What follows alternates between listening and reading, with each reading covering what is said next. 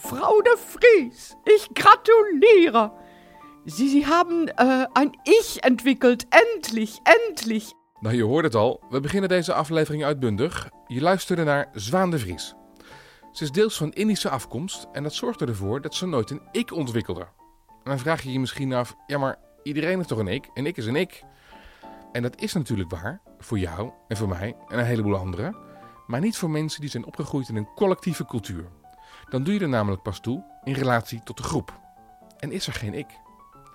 In deze aflevering hoor je hoe Zwaan decennia lang naar zichzelf zocht en in hoeverre ze uiteindelijk zo'n ik ontwikkelde.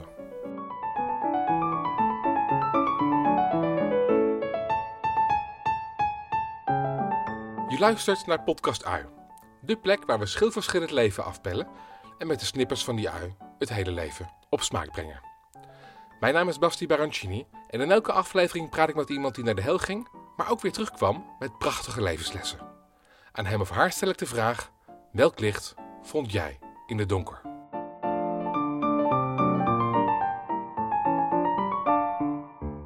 Goed, Zwaan de Vries dus. Inmiddels is ze een succesvol zangdocent die mensen via de stem helpt alle uithoeken van zichzelf te ontdekken. Maar jarenlang bestond ze zelf niet. Nou ja, als andere mensen tevreden over haar waren, dan was ze blij, maar niks van binnenuit. En om je daar een voorbeeld van te geven, noem ik alvast één gebeurtenis. Toen Zwaan haar ouders vertelde hoe gelukkig ze werd van dans en theater, kreeg ze te horen dat ze een bedreiging was voor haar broertje en zusje en volgden drie maanden van isolatie. Daarover later meer, maar eerst vertelt ze over de bron van dit alles, namelijk een gezin met Indische roots. Ja, ik, uh, mijn moeder heeft een Indische achtergrond, het Nederlands-Indië. En tegenwoordig moet je dat wel steeds uitleggen. Dat is dus niet India en het is ook niet Indonesisch.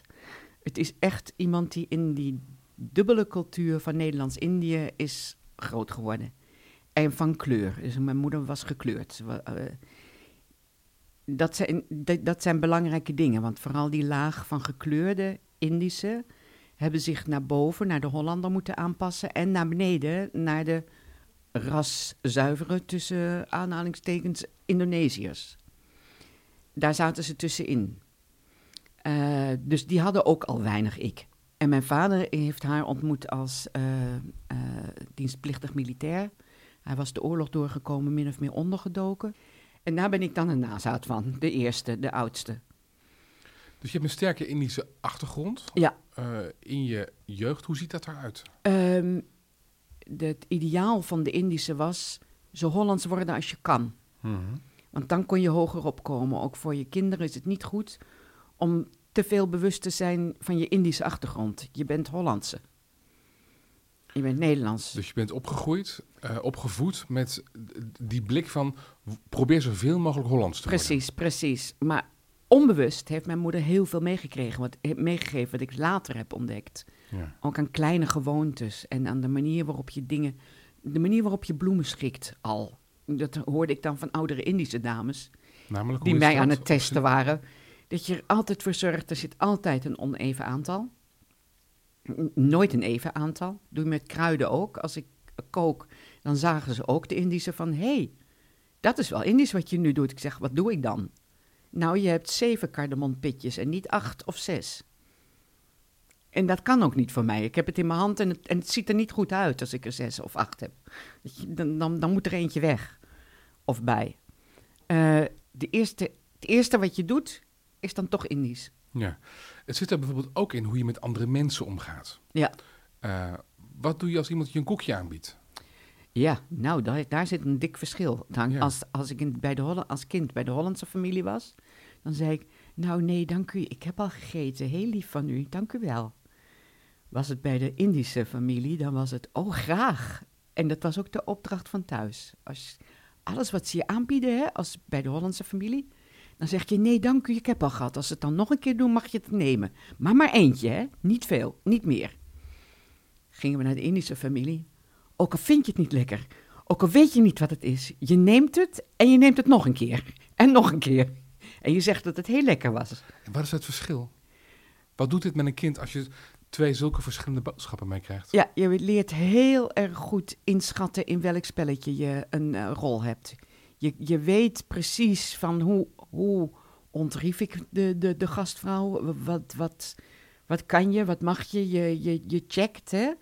En dat is later hè, natuurlijk heel erg van pas gekomen door de ontmoeting met de nieuwe Nederlanders, zeg ik maar even. De, hè, dan, dan weet je ook precies van, oké, ik moet nu niet, ook al met hoe je staat, dat je niet recht tegenover iemand gaat staan, maar altijd een beetje schuin, eh, diagonaal op, op de ander, niet, niet meteen uh, confronteert. Dat je altijd ruimte geeft om iemand, voor iemand om te ontsnappen, uh, om weg te kunnen. Nooit blokkeert. Dus je bent eigenlijk altijd bezig met het andere naar de zin maken. Helemaal, totaal. Ja, ja. En dat, dat is dus heel erg vanuit het Indische. Um, maar die twee, en dan zeker het Indische deel, en dan zeker ook de, de, de Indische familie.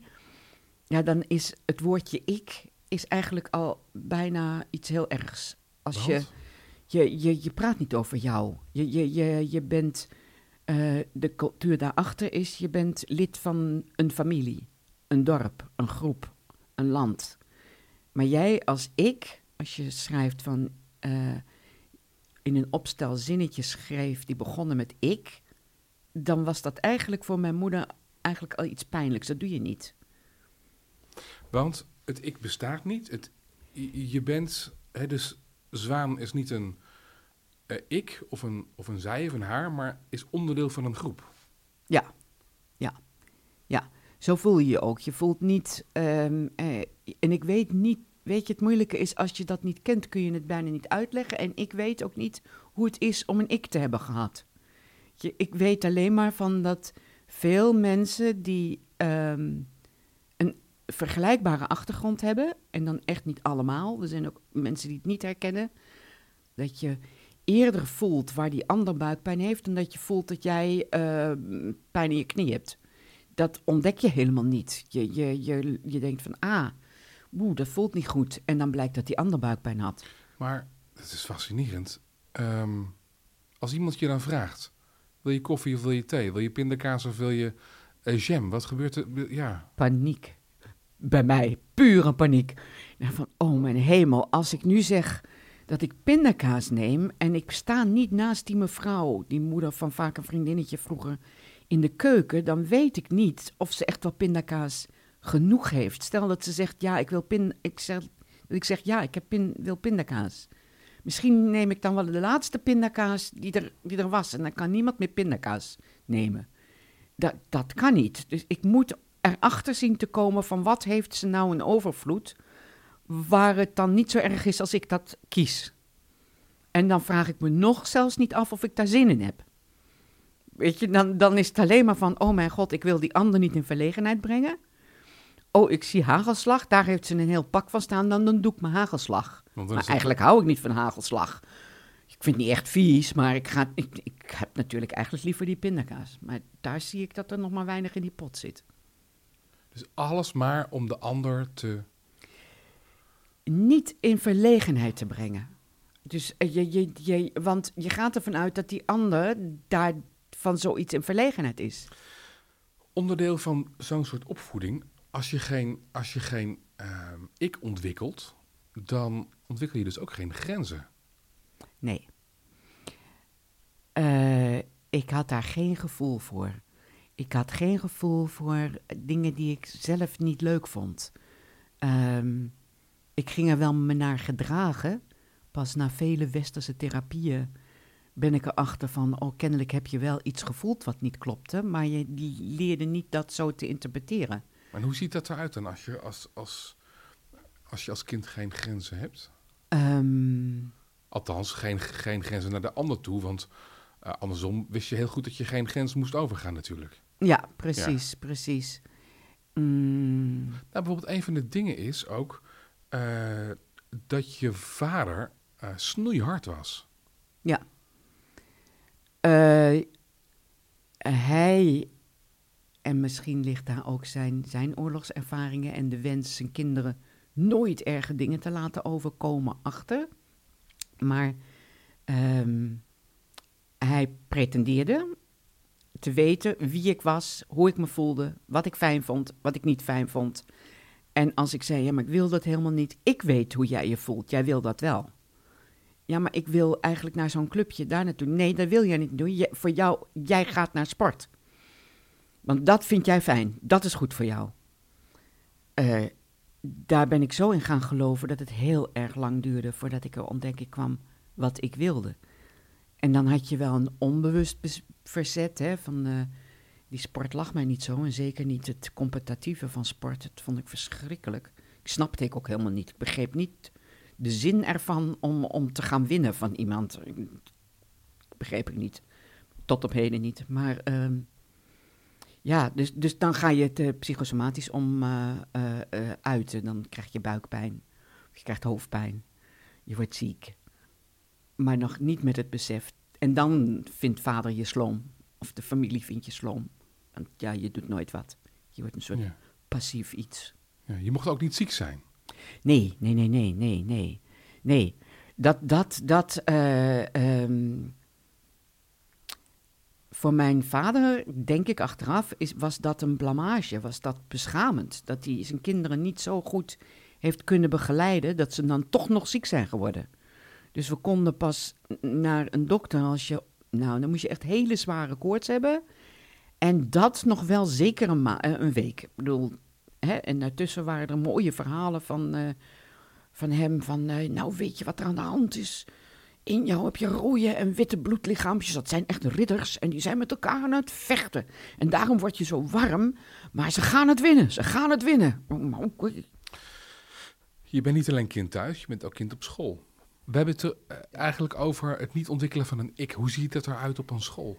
Met allemaal kinderen die dat wel hebben. Ehm, dat je de laatste bent die gekozen wordt en het niet erg vindt. Dat dat gebeurt gewoon. Mhm. Eh, je gaat ook niet denken van ik wil de volgende keer als eerste. Ehm, in de, op de, de, de volgende school was in een eh, Als- want we hebben het nu over de basisschool. ja, basisschool, Als ik, jou dan, als ik jou dan zo zie staan Ja. op school, hoe, zie- hoe, hoe, hoe zie je dat eruit? Nou, de, de laatste, dus de laatste drie jaar heb je me alleen maar staand tegen de muur gezien, terwijl iedereen aan het spelen was. Ehm, achteraf denk ik van dat die docenten dat niet gezien Iedereen hebben, maar spelen, gewoon helemaal, iedereen was aan het spelen, ik stond. Ik had ook een feilloos gevoel daarvoor gekregen van wanneer het laatste op en neer lopen was van de docenten en waar daar ze weer naar binnen gingen en ik weer gelukkig naar mijn plaatsje kon. En daar niet verder laf hoefde te staan. Want is dit dan ook weer het niet tot last zijn van docenten en van andere kinderen? Of is het gewoon het niet weten wat je überhaupt zou moeten doen? Ja, het niet weten wat je überhaupt zou moeten doen. Omdat ik echt niet. Ik, ik miste dat eh, wedstrijdelement. Ja? En dat je dan heel goed moest zijn in dingen, dat eh, had ik niet. Ja, maar je, kunt Eh, ook, je kunt ook van de zon genieten of je kunt ook andere dingen doen. ja, Maar je, stond gewoon, je wist gewoon niet wat je wilde, omdat er ook niet zoiets Nee. bestond als nadenken over wat jij leuk vindt. nee, nee. Is dat het? Ik wist niet. Ik, ik wist me geen raad met die andere kinderen.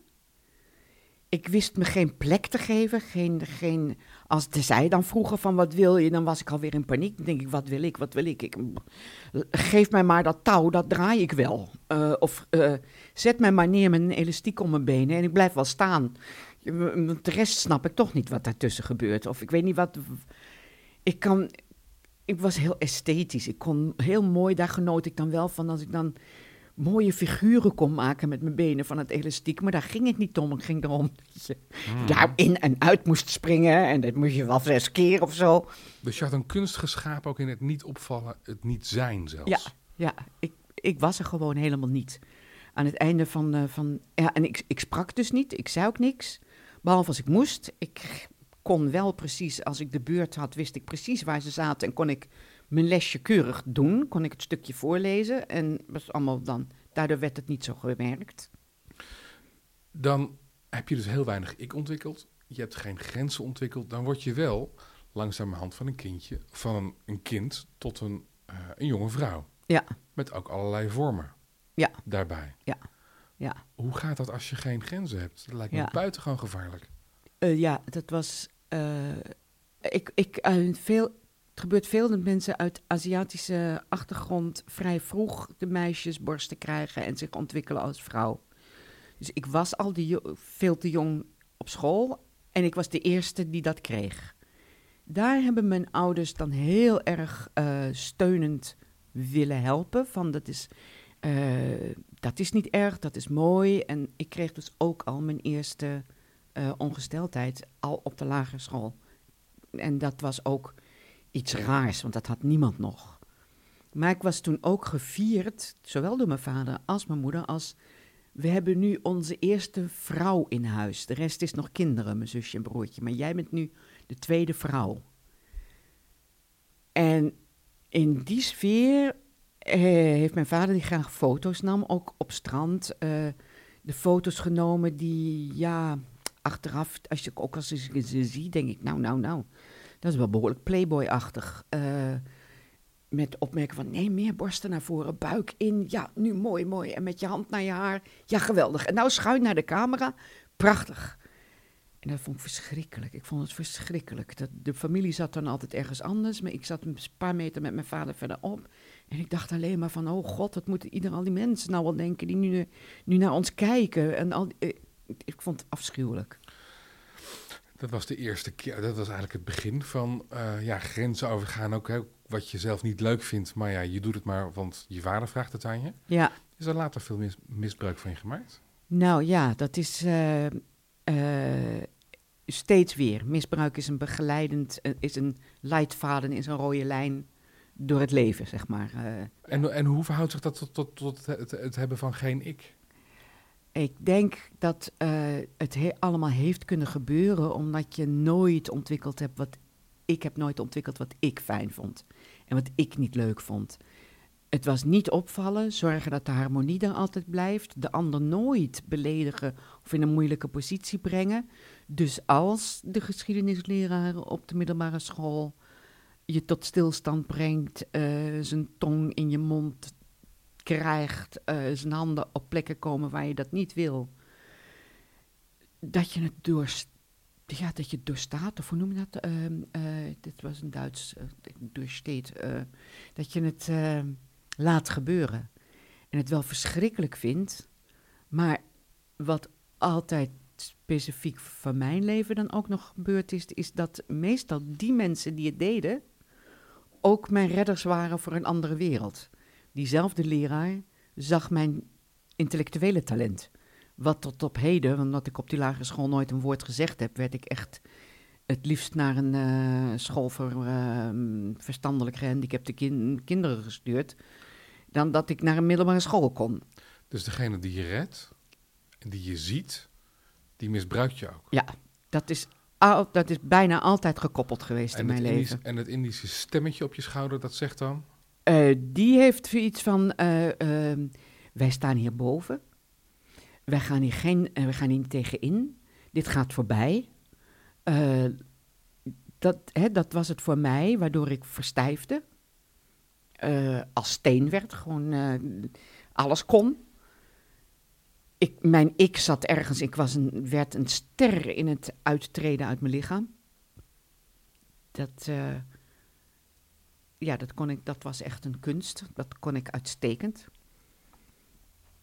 Als er geen ik is, wat is er dan wel? Uh, dan is er. Um, uh, je doet wat je denkt dat je moet doen en daar ontleen je als dat door de, de ander. Van de groep, aan de hand van de groep, ja, denk ik, ja. De leraar, de groep. Uh, je ouders, wat, dan, ja, ook. wat dan ook. De ander. De ander als dan blijkt dat die ander zich gelukkig voelt en het nog mooier tegen je zegt van, oh wat is het fijn met jou, ben je dus gelukkig. Als die ander dat helemaal niet zegt, dan blijf je je afvragen van, uh, wat, wat is hier? Waarom zegt hij niks? Uh, heb ik het verkeerd gedaan? Uh, wat moet ik nog meer doen om iemand gelukkig te maken? Hè? Maar dat is het wel. Zijn de mensen blij om je heen, ben je ook blij. Dus je bent continu de hele dag door aan het scannen wat een ander van je vindt. En hoe je een ander het naar zijn zin kan maken. Ja, en hoe dat het de is. ander goed kan gaan. Ja, en dat is in zeg maar westerse taal gesproken. Hoe, hoe En zeg je hebben Ja, nou, ja, da- ja. ik weet het namelijk niet. Ik denk van, ik heb dit allemaal geleerd in mijn therapieën, omdat ik natuurlijk in deze westerse wereld eh, moest kunnen zeggen wat ik wil. En dat kon ik niet, dus ik, ja, ook door het misbruik, maar op een gegeven moment ga je dan in therapie. En dan kom je erachter dat je op een vraag van, eh, hoe, hoe was het, eh, hoe was het de afgelopen week met u? Ja, dat zo iemand er niks aan heeft als je zegt van nou, ik heb die blij gemaakt en die blij gemaakt en daarom ben ik blij. Dan moet je toch wel iets antwoorden hoe het door met jou gaat. Nou, ehm, maar dat dat gebeurd is en dat ik dus nu achteraf denk van, ehm, ik ben dus continu aan het scannen geweest klopt vanuit het westerse oogpunt. Maar ik weet niet, kan het niet helemaal terughalen wat ik als kind precies gedaan heb. Want het was je natuurlijke habitat. Je deed het van nature. Ja, het lastige is natuurlijk dat je... Ik, ik hoorde een verhaal van iemand die naar uh, Azië ging en daar iets nodig had. En op een marktje, en er werd gezegd, het ziet er zo en zo uit. En gaat maar, het, je kunt het gewoon vinden op het marktje. Twee uur rondgelopen en hij kon het niet vinden. Um, en het lag gewoon op elke kraam vooraan. Maar het, omdat hij niet wist wat het was, Precies. Het, het hoorde niet tot het begrippenkader, tot het referentiekader wat hij had. Dus hij, dus hij zag het niet. Exact. En dat is natuurlijk ook, dat met, is het. ook met dit ik. Dat is het. Dat is het.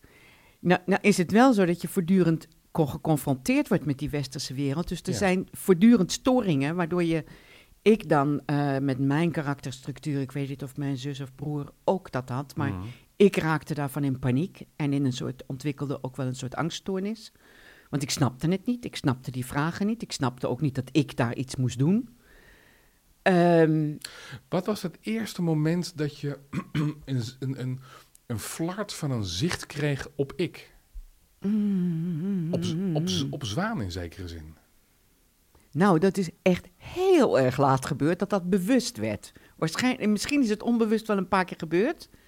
Maar eh, dat was tijdens een eh Jungiaanse therapie in Duitsland. Ja, want je bent toen naar Duitsland toe Ja. verhuisd. Daar heb je een centrum opgericht. Ja, En besloot je therapie te nemen. ja dat kwam zo. ehm, Wat een van daar? onze, ja, eh, ik werd toen gewaarschuwd. Een van onze gastdocenten was een Jungiaanse analytica. En die was eh, danseres in, bij Martha Graham geweest. Dus, eh, en die gaf ook theaterlessen, maar ze was ook analytica.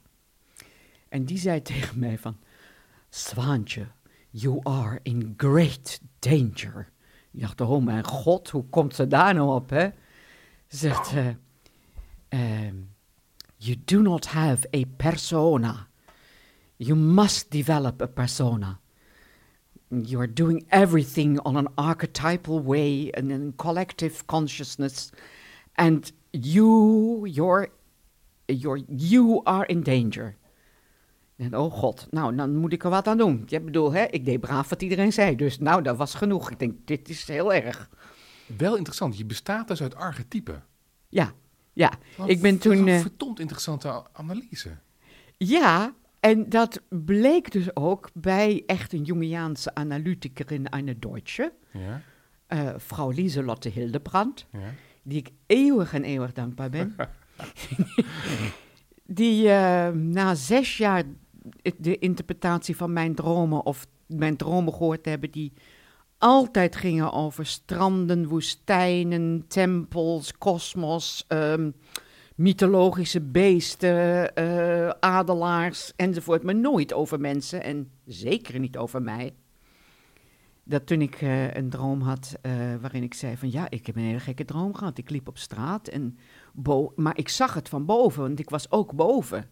Waarop ze, ze was al ouder en echt zo helemaal zoals een analyticus eruit ziet uit de filmen van 1930, 40. Eh, grote schoenen, van die gezondheidssandalen, plooierok, pa- parelkettingje. Oud, doet dat op de hoofd, naar haar, die schoot op en zei... Vrouw de Vries, ik gratuleer. Ik denk, oh my god, dat was na zes jaar. Ik zei, "W- w- womit? ja, Sie, Sie haben äh, ein Ich entwickelt, endlich, endlich. Sie haben einen Traum mit Ich. En toen heb ik haar gevraagd, maar was dat dan zo bijzonder? Ze zegt, ja, hier heb ik zes jaar op gewacht. Tot u eindelijk een droom had waarin ik voorkwam. En u heeft zelfs het therapeutische ich ook nog gedroomd, want u heeft u zelf vanuit de bovenkant gezien. Nou, oké. Vrij snel daarna gebeurde, de maanden daarna gebeurde het dat ik bij haar kwam van, ja, ik weet niet meer of ik wel kan lesgeven. Mensen zijn kwaad op mij. Iedereen heeft kritiek. Waarop ze helemaal enthousiast werd. Genau, zo moest het zijn.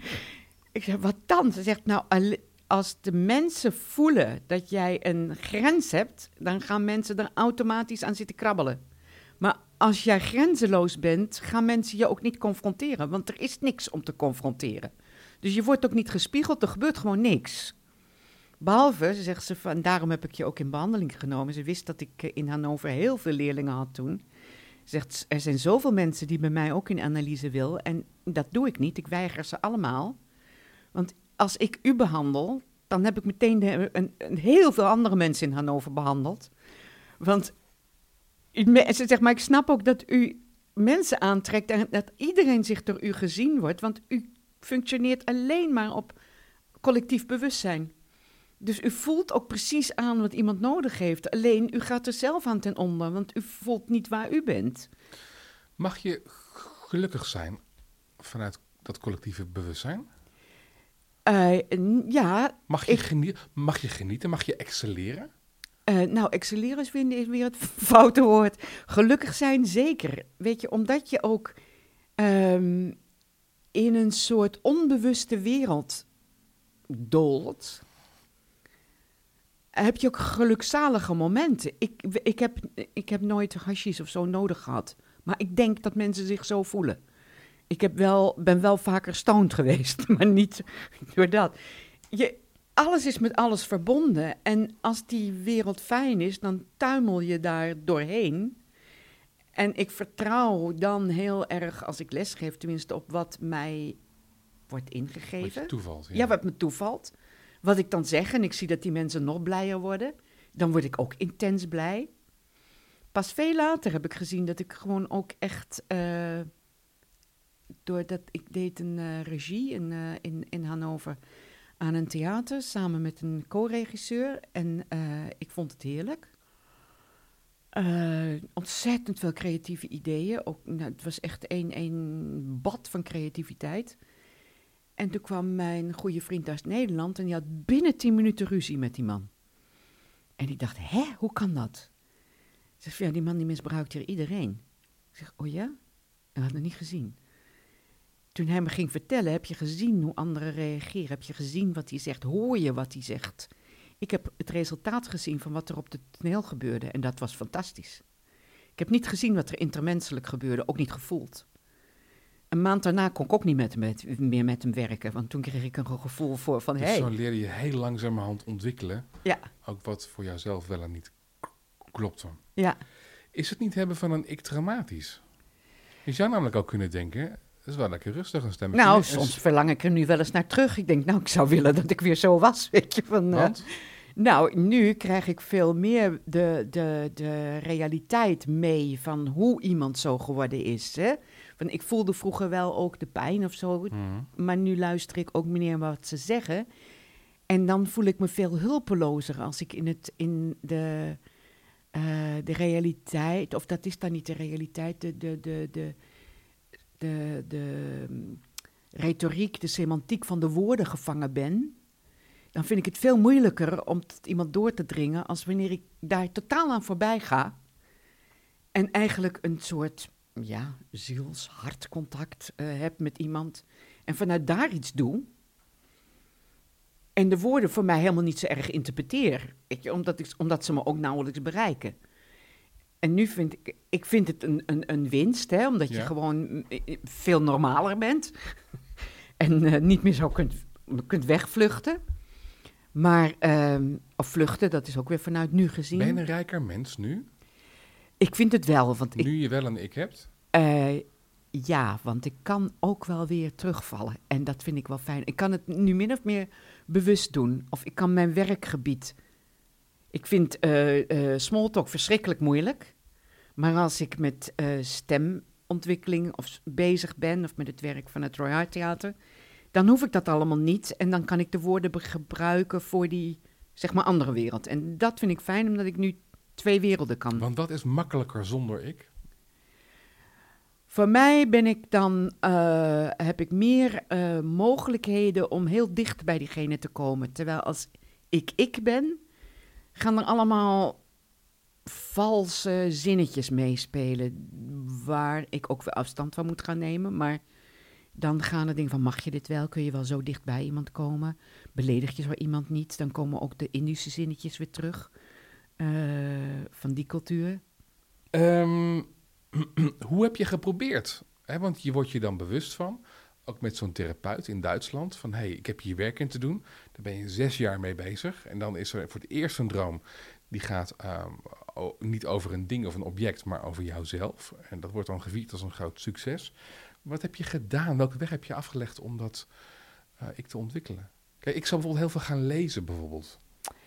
Heb ik wel gedaan, maar eh, ehm, ik weet niet waardoor precies. Ik ben daar niet meer in die intensiteit. Kijk, als kind las ik alles, alles, alles, alles. en maar op dat de middelbare dat- school dat- ook. Dat, was nog in het oude Ja. stuk. nee, ik heb, Heb je het ik- gebruikt om ook dit te ontwikkelen? eh, Of heb je andere wegen gevonden? Ik ben gaan. Kijk, toen de tijd was 80 jaren. En was de, het aanbod aan eh, groeigroepen oneindig. Hè? Dus eh, bioenergetica, biodynamica, eh, encounters, eh, sensitivity trainingen, nou rebirthing. Alles, ja. Alles, alles, alles. En ja, dat, daar, daar, daar groeide je ook van, was ik van overtuigd. Dus dat moest ik dan wel gaan doen. We hebben heel veel van die groepen gedaan. Oneindig. Echt oneindig. En later begrepen dat voor iemand met mijn achtergrond werd het allemaal alleen nog maar versterkt. en het, het ook trauma. ja, en her- ge- her- regetraumatiseerd op retraumatisering. Want? Die groepen waren er allemaal op uit om het ik te breken. Maar ik had geen ik, er was helemaal niks te breken. Je hebt gewoon echt alles gedaan wat niet moest. Precies, precies. Pas later heb ik gemerkt, weet je, want ik had Ja, geen ik Dus lachen, al die Maar dat is natuurlijk afschuwelijk. Ja, die, die encounters en vooral ook die, die vooral bij Bakwan is een heleboel seksueel overschrijdende oefeningen met therapeuten die op je staan in te beuken. Benen wijd, eh, naakt, eh, groep eromheen van 200 man. Eh, ik heb het allemaal gedaan. En, en- weet je zo, later hoorde ik pas hier in Nederland bij een psychiater die was getraind in, in eh, dit soort gezinnen. Hij zegt, ja, dat was dus echt retraumatisering op retraumatisering. Het is niet alleen die trauma's uit je jeugd. Wat hij ook weer uitlegde, dat dat heel normaal was. En hij ook zei van, ehm, dat is ook dus de kracht van mijn ik dus geweest, om eh, de, dat je de oplossing zoekt. Je zoekt steeds de oplossing. Dus zoek je dingen die erop lijken, om er daar dan hopelijk anders uit te komen dan je, dan je, uit, dan Als je, een je voelt. homeopathisch medicijn, of wat? Hij zegt van, dat ziet hij heel vaak, dat mensen steeds en steeds maar het herhalen. Hmm. Als een, hij interpreteerde dat logisch en eh, eh, als helend, tenminste als, als de hoop daarvan, daaraan te helen. Wat niet gebeurde, want die, het moet stopgezet worden op een gegeven moment. Hè? En dat je ga- gaat inzien. Doorbreken. Ja. Het patroon doorbreken. Ja, en dat je gaat inzien dat je dus hetzelfde steeds aan het doen bent. Dat je Mhm. het patroon leert zien. Maar in die tijd was dat niet. Het was gewoon echt eh, eruit en nog meer. En eh, je kan het. En sla op dat kussen. En weet ik veel. Nou, ja, Jullie hebben in de jaren 70 en 80 ook wel rare dingen gedaan. hè? hele rare dingen. Goed.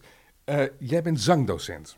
Ja, er zit een klein verhaaltje aan. Ja, ja, ja. Ik werk met de stem. Ja? Je werkt met de En wij van onze achtergrond, dat is het Roy Hart Theater. Ja. En eh, teruggaand op Wolfzoon, Roy Hart, noemen alles wat je vocaal tot uitdrukking brengt en uit je hart komt, Ja. zang. Goed. Dus ook een goed gesprek, deze podcast kan ook een lied zijn. Oké. In onze opvattingen. We hebben elkaar leren kennen in Zeeland. ja, Jaren geleden, zes, zeven jaar geleden. En ik had hier helemaal geen ervaring mee. En toen ehm, hadden we een groep en jij begeleidde ons. Aan het einde van het weekend moesten we een performance doen. En toen, eh, ik moest als laatst, of ik mocht als laatst, ik weet het niet, maar ik had dat totaal, en ik wist niet wat ik moest doen. En dus, we waren in een zaaltje in een oud klooster. En het raam stond open. Ik weet niet of je nog weet, het raam stond open. En ik wist niet wat ik moest doen. En toen kwam er een windvlaag door, eh, door dat raam heen. En toen ben ik een duet aan, volgens mij ook een dans, volgens mij zo- zowel dans als eh, zingen met de wind, minutenlang. En dat zal ik nooit meer vergeten. Dat was echt helemaal in het hier en nu. Was waanzinnig mooi. Ehm, hoe kun je zangdocent zijn, jij, als je zelf geen stem hebt? En Dat is ook collectief. Zo, ehm, ehm, jij bedoelt van eh, dat mijn ik geen stem heeft, hè? Als je, Dat als, bedoel als je, je geen ik hebt, hoe kun je dan een stem hebben? Kijk, die stem had geen woorden en geen eh, literaire narratieve betekenis. Dat was puur in het hier en nu. Dus eigenlijk een was klank. Was een soort verlenging van wat ik, zeg maar, collectief, in het collectieve bewustzijn of het archetypische voelde. Mijn ingang in die stemwereld was ook een docent, een eh, theatermaker, Enrique Pardo, die nog steeds werkt en stukken maakt die eh, heel sterk met mythologie bezig was. En bijna alles, ook zijn lessen, helemaal op de mythologie eh, baseerde en zijn interpretatie ervan. Hij werkte met archetypen. Ja, dat was een wereld, dat, dat paste me totaal. Dus je geeft klank, stem aan het collectieve. Ja, of aan een archetype. Ja. Bijvoorbeeld, eh, eh, hij heeft mij dingen laten doen als Medusa of een klank ehm, als, als Marlène Dietrich of eh, ook de archetypes van nu. Hè? En als ik dat kon doen, was prima. Als ze gaan vragen, kan jij een liedje zingen? Dan kreeg ik weer dezelfde zenuwen. Wanneer heb je, wa- wanneer heb je dit, dat wel ontwikkeld? Nou, dat is Of vind je het nog steeds moeilijk? Ik vind het nog steeds ongelooflijk moeilijk. Ik, vind het nog, ik duik nog steeds weg voor het gewoon zingen van een liedje. Eh, als ik zelf mag improviseren, prima. Eh, en dan werk ik ook met muzikanten samen. Maar het is dus makkelijker om Marlene Dietrich of desnoods een, een moderne Beyoncé te zingen... dan om kleur te geven aan Ja. van, wat uit, van wat in jou leeft. Ja. Nog en dan steeds. neem ik van die, die archetypes ook alleen de klank. Hè? En ik kan Niet niet. Nee, als, ik, eh, als je zegt zing eens een lied van Beyoncé, jammer, dat gaat niet. dat, het, het zijn mijn associaties of mijn eh, dingen die ik dan gebruik. En ehm, Welke weg heb je daarin afgelegd in het ja, daar zijn veel ge- dingen gebeurd. Heb, ontwikkelen van je stem? er zijn, eh, die docenten waren echt fantastisch die ik had. Dat waren echt de, de, de oprichters, de oudjes. Ten eerste hebben ze me zelfvertrouwen gegeven bij bakken, ongeveer als de Duitse therapeuten. Ze hebben echt jaren bij alles wat ik zei gezegd: Very nice, beautiful sounds, beautiful. Het was knettervals. Dat wist de rest van de groep, want die zat te luisteren, maar ik wist dat niet. Ik dacht van, goh, fijn. Toen ik beter begon te luisteren en te horen dat ik hartstikke naast zat, was het van, it's almost right. It's just almost right. Toen ik nog beter ging luisteren, toen was het, well, it's not too bad. Totdat het was van, this is wrong. maar dat, die ontwikkeling was, Je bent dus mensen tegengekomen in jouw leven die jou ongelooflijk misbruikt hebben. Maar ook mensen die je heel, he- heel lief hebben benaderd. Absoluut, absoluut. Ik ben daar zo dankbaar voor dat er altijd mensen op mijn pad waren, ook in hele donkere dagen, die, die er waren. Je hebt lijkt wel het, het, het, het donkerste en het lichtste, s- je- je- de uiterste allebei. Ja, dat is ook zo. Nog steeds. En, en ik krijg ook tranen in mijn ogen. Ik moet ook denken nu aan een van mijn zwerftochten. Ik heb veel s'nachts door Amsterdam gezworven. Toen kwam ik, was ik ook hartstikke naïef. En ik denk dat ik een jaar of pff, 16 was. 17 misschien. Eh, in een eh, kroeg op de Wallen. Echt eh, prostituees, criminelen. Erg veel gouden ringen, gouden tanden en mm, kettingen en zo. Maar ik vond er erg gezellig uitzien. En ik wil, had wel trek in iets, dus ik ging dat cafeetje binnen. En onmiddellijk zet er, komt er zo'n kerel naast me zitten, behangen met ringen en kettingen. Die zegt, meisje, ik bestel voor jou een koffie. Dat drink je op en dan verdwijn je. En je komt hier nooit meer terug, beloof je dat? Eh, ja, hij zegt, want ik wil mijn dochter hier nooit tegenkomen. Je hebt geen idee waar je zit. Wegwezen. En ik begeleid je tot de deur. En dan dacht ik, waar komt zo iemand vandaan? Voor hetzelfde geld had je iets tot... Want ik was een heel mooi meisje. Dit is ook gewoon een engeltje in, in, Voortdurend, in leer. Voortdurend. Ja. voortdurend. We hebben het over licht dat door donker heen komt schijnen. Of Ja. dat nou lineair is of circulair, dat maakt niet zo heel veel eh, uit. Je leert dingen, je groeit en uiteindelijk ga je het geleerde ook weer de wereld inbrengen. Ja. Waarmee verrijk jij de wereld? Eh, mijn vehikel is de stem Ja. of de dans. ja. Maar het is een, een vehikel. Gewoon Ja. omdat dat mij het beste ligt. Dat is de, taal, ja. is de taal die ik het beste versta. En dan, ehm, ja, wat, wat, wat ik Waarmee verrijk je de wereld? Ik denk dat ik de mensen laat zien dat, er, eh, eh, dat ze veel groter en krachtiger zijn dan ze denken. Dat ze, eh, en heel praktisch is dat, doordat ze ja, veel meer octaven kunnen bereiken met hun stem. Nee, maar Dan- sorry, sorry. Octaven zijn niet belangrijk. Dit gaat, Nee, het gaat om leven. Ja, maar da- precies. Maar door die, doordat je die octaaf haalt, opent zich ook een gebied in jou waar je nog nooit geweest bent. Je gaat je anders, het is een soort homeopathische druppeltjes of zo. Je, je voelt van wauw, hè, je komt in, als je het in de archetypes gaat zetten, eh, gaat Word je bekijken. meer mens als je meer octaven bereikt? Eh, het hangt er vanaf hoe je dat begeleidt weer, hè? Van, ehm, eh, ik heb een leerling die komt nooit verder dan de deur hier Mhm. en eh, doet daar alles wat ik zeg. Hè?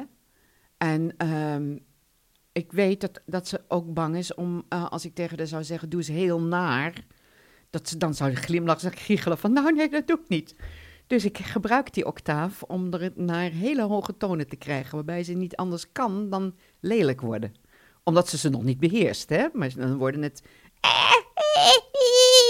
Dus nou, dat heksen bestaan. En ik weet door mijn ervaring dat er dan meestal een grote glimlach komt, vooral bij vrouwen die zoiets hebben van, oh, maar dit is eigenlijk wel leuk, mag dit wel? Totdat ze er geen genoeg meer van kunnen krijgen. En dan kan ik eraan koppelen van, hey, gebruik die stem ook in je normale leven. Heb je die ooit gebruikt? Of wanneer is deze stem stom geworden? Dus jij begeleidt mensen op een levenspad. Ja. Met eh, als instrument de stem. Ja. En daarbij maak je gebruik van je eigen donker. Van alles waar je zelf Ja. bent geweest. Ja. Ja, dat, dat is wel zo. Dat, dat, dat geloof ik zeker. Ook wat Ben- mij ben- uitmaakt. Ben, ben jij de, als ik dan toch nog even in een archetype mag praten, ben je dan ook een mentor? Ja, ik geloof dat ik absoluut een mentor ben. Ja, ja. En dat vind ik ook steeds leuker worden. Je, ik, ik geef ook les op een theaterschool in Amsterdam. En eh, de mensen zijn daar ietsje jonger, alhoewel eh, ook wat ouderen zitten. Maar dan voel ik me echt van, eh, grootmoeder, vertel nog eens. Weet je, ze hangen aan mijn lippen gewoon door hele gewone verhalen. Voor hoe ik het gedaan heb, hoe ik een kleedkamer van een theater ben binnengekomen Ja. als ik zenuwachtig was. Wat ik dan deed of zo, hè. Van, nou, kan je dat doen? Tuurlijk. Wat telt is hoe goed jij op de bühne bent. Alles wat je daarvoor doet, vergeten mensen. Al kom je op de gekste manier een theater binnen. Wat dom, dondert er niet toe. We gaan een slotakkoord geven Oké. aan dit, eh, aan dit mooie gesprek. We hebben het gehad over jouw eh, zangdocentschap. Eh, en het stem geven aan wat er in jou leeft. Mag ik je vragen om stem te geven aan je eigen leven? Oeps, ja. Een klein beetje. En wat ik dan eh, graag zou willen, of wat ik, wat ik aan je voorstel, en je moet zelf maar kijken of dat is wat je wil. Ehm, om het dat in drie fases te doen, hoeft het niet heel erg lang te zijn. Eh, mag ook in elkaar overlopen of los van elkaar. Ehm, als je geboren bent, helemaal aan het begin van je leven, misschien al dat je weet wat er gaat komen. Een tussenstuk waarin je kleur geeft en stem geeft aan, aan, aan eh, het zoeken naar wie ben ik en wat moet ik hier in godsnaam doen in de, op, deze, op deze aarde. En misschien wel helemaal aan het eind, eh, als je terugkijkt op je leven. Oké. Ik ga het proberen. Wil je dat doen? Ja. Oké. Nan-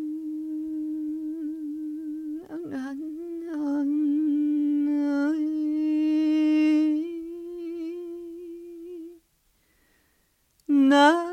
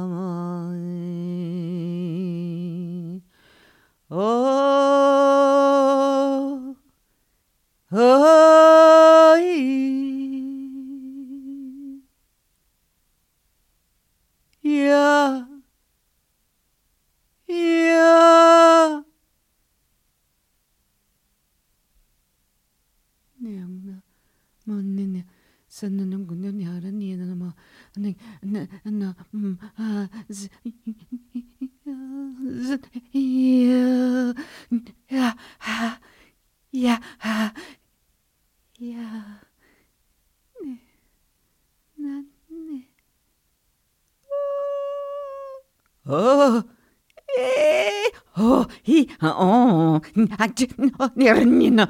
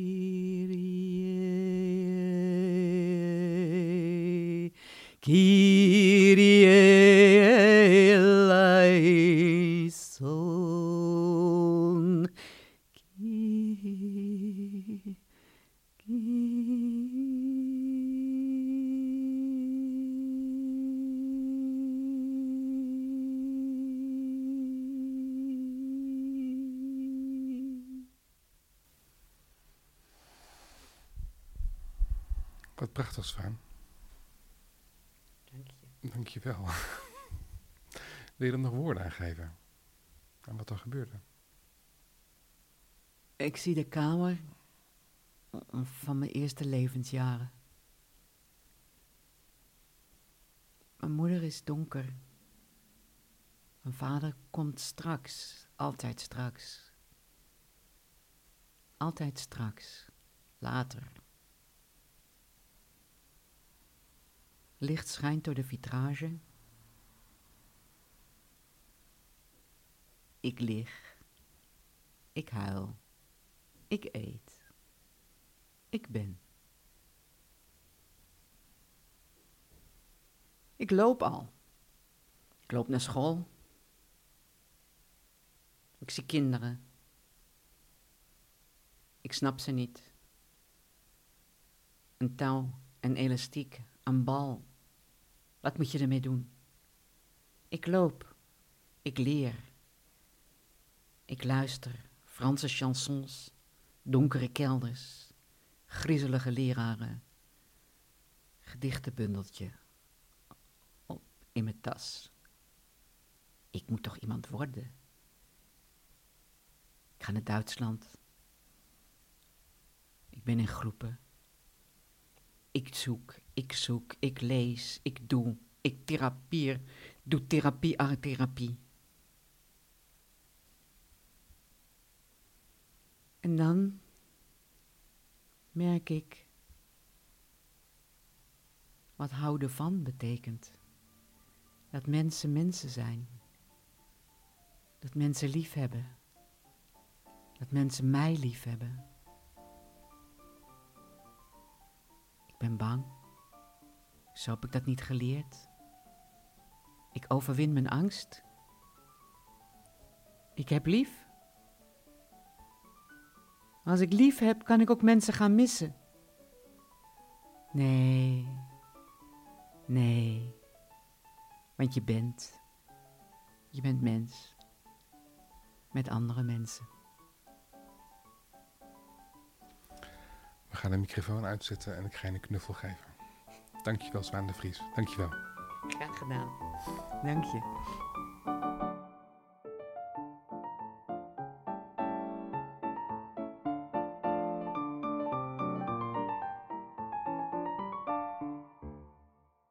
Dankjewel voor het luisteren naar deze aflevering van Podcast Ui.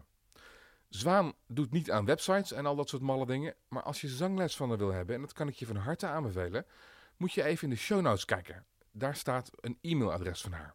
Sowieso zijn die show notes een interessante plek om eens rond te struinen.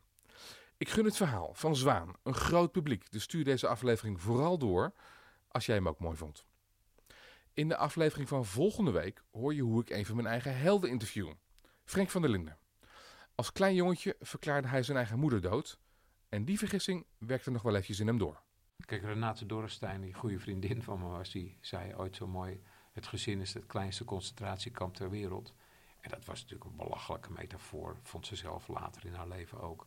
Maar helemaal onzin is het niet. Dat heb ik in ieder geval aan de lijf ondervonden. Heel graag tot volgende week dus, met een nieuwe aflevering van Podcast Ui. Dag!